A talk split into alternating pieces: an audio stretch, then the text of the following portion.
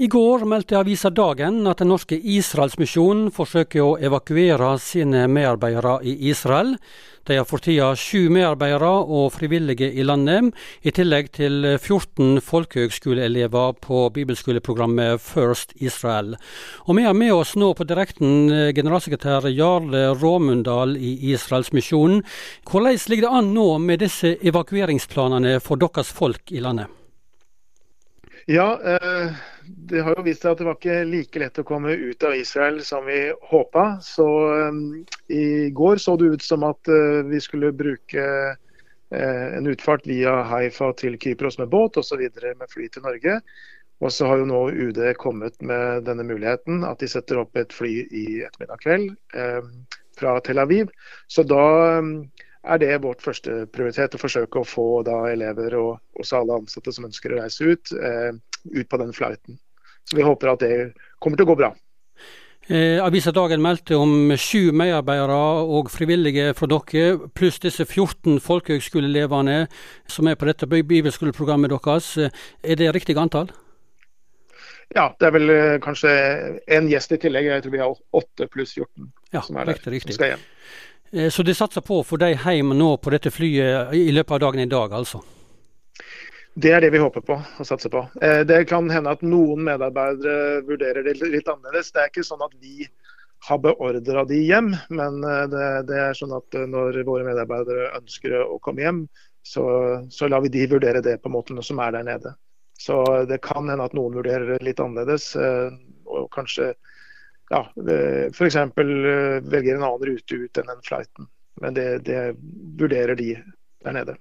Eh, disse elevene fra Helgeland folkehøgskole, som altså var med på dette bibelskoleprogrammet deres nå, og skulle fortsatt være i Israel etter planen, hvordan har de eh, håndtert situasjonen sånn som du kjenner til det? Det jeg får beskjed om fra vår teamleder, Eivind Valle, som jeg snakker med, er jo at, eh, at de etter forholdene har det bra. De, de, har jo bodd og overnatta i det som er vårt menighetssenter i Tel Aviv. Der har de for så vidt bodd i tre uker allerede, så det er jo hjemmet. Så de har fått lov til å, å bo der. Og der er det også et bomberom som de har måttet gått litt inn og ut av etter hvert som alarmen har gått. Men etter forholdene så Det jeg har fått beskjed om, er at de er ved godt mot, og at de for så vidt har, har det greit. Får de noe, noe oppfølging nå etter det de har opplevd disse siste dagene? Det, det, er det Folkehøgskolen som håndterer, men jeg forstår det. At de blir møtt og de blir får oppfølging når de kommer hjem. Nå trekker dere altså folk, eh, deres ansatte ut eh, fra Israel eh, og deres arbeid der. Arbeidet til Israelsmisjonen som dere er med på i Israel, hva skjer med det nå framover? Altså, vi har jo lokale medarbeidere som, som, er der, som er ansatt hos oss. Som jo for så vidt passer på ting og holder ting gående. Nå er jo veldig mye av virksomhet i det hele tatt uh, satt litt på, på pause og vent, men det er jo opplagt en del, mange ting som man må gjøre. Vi har bl.a. Ebenezer, Benezer, som er jo et hjem for eldre, så der vil jo i Haifa. Så der vil jo på en måte virksomheten være som, som normal som mulig. Ja, Haifa er jo foreløpig ikke berørt direkte. Eh, du sitter i Norge, Jarle Rommundal, men hva tenker du om det som skjer nå i eh, Israel? Dette landet som dere i Israelsmisjonen har et eh, nært forhold til og, og arbeider blant? Ja, jeg, jeg, altså, jeg reagerer med, bare med sjokk og forferdelse og, og sorg over de tingene som, som, vi ser på TV. Altså, det er helt uvirkelig. Eh, den eh, umenneskeligheten som eh, har blitt retta mot, mot, Israel, mot totalt uskyldige, mot barn, mot kvinner. Så det bare gjør at en, en kjenner på en sånn enorm sorg over det som skjer.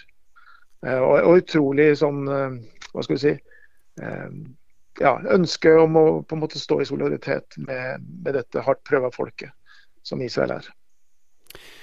Dette med bønn for de som lir. Her er mennesker som lir på begge sider her. Både jøder, eh, israelere og eh, palestinere. Hva tenker du om dette med bønn i en sånn situasjon som er så krevende som nå? Hva betyr det? Ja, jeg tror det betyr kjempemye. Så det har vært noe av min oppfordring og oppmuntring til, til alle jeg har snakka med. Det er at nå, nå må vi be, alle vi som har tro på bønn og som ønsker å være med i dette. Fordi eh, be. Noen ganger er det vanskelig å vite hva man skal be, men vi kan i hvert fall be om at Guds vilje skal skje. Vi kan be om fred, vi kan be om rettferdighet. Vi kan be om legedom for eh, alle de som eh, er direkte berørt, eh, om trøst. Så, og som du sier, det finnes folk som, som lider her, også på, på palestinsk side. Absolutt gjør det det.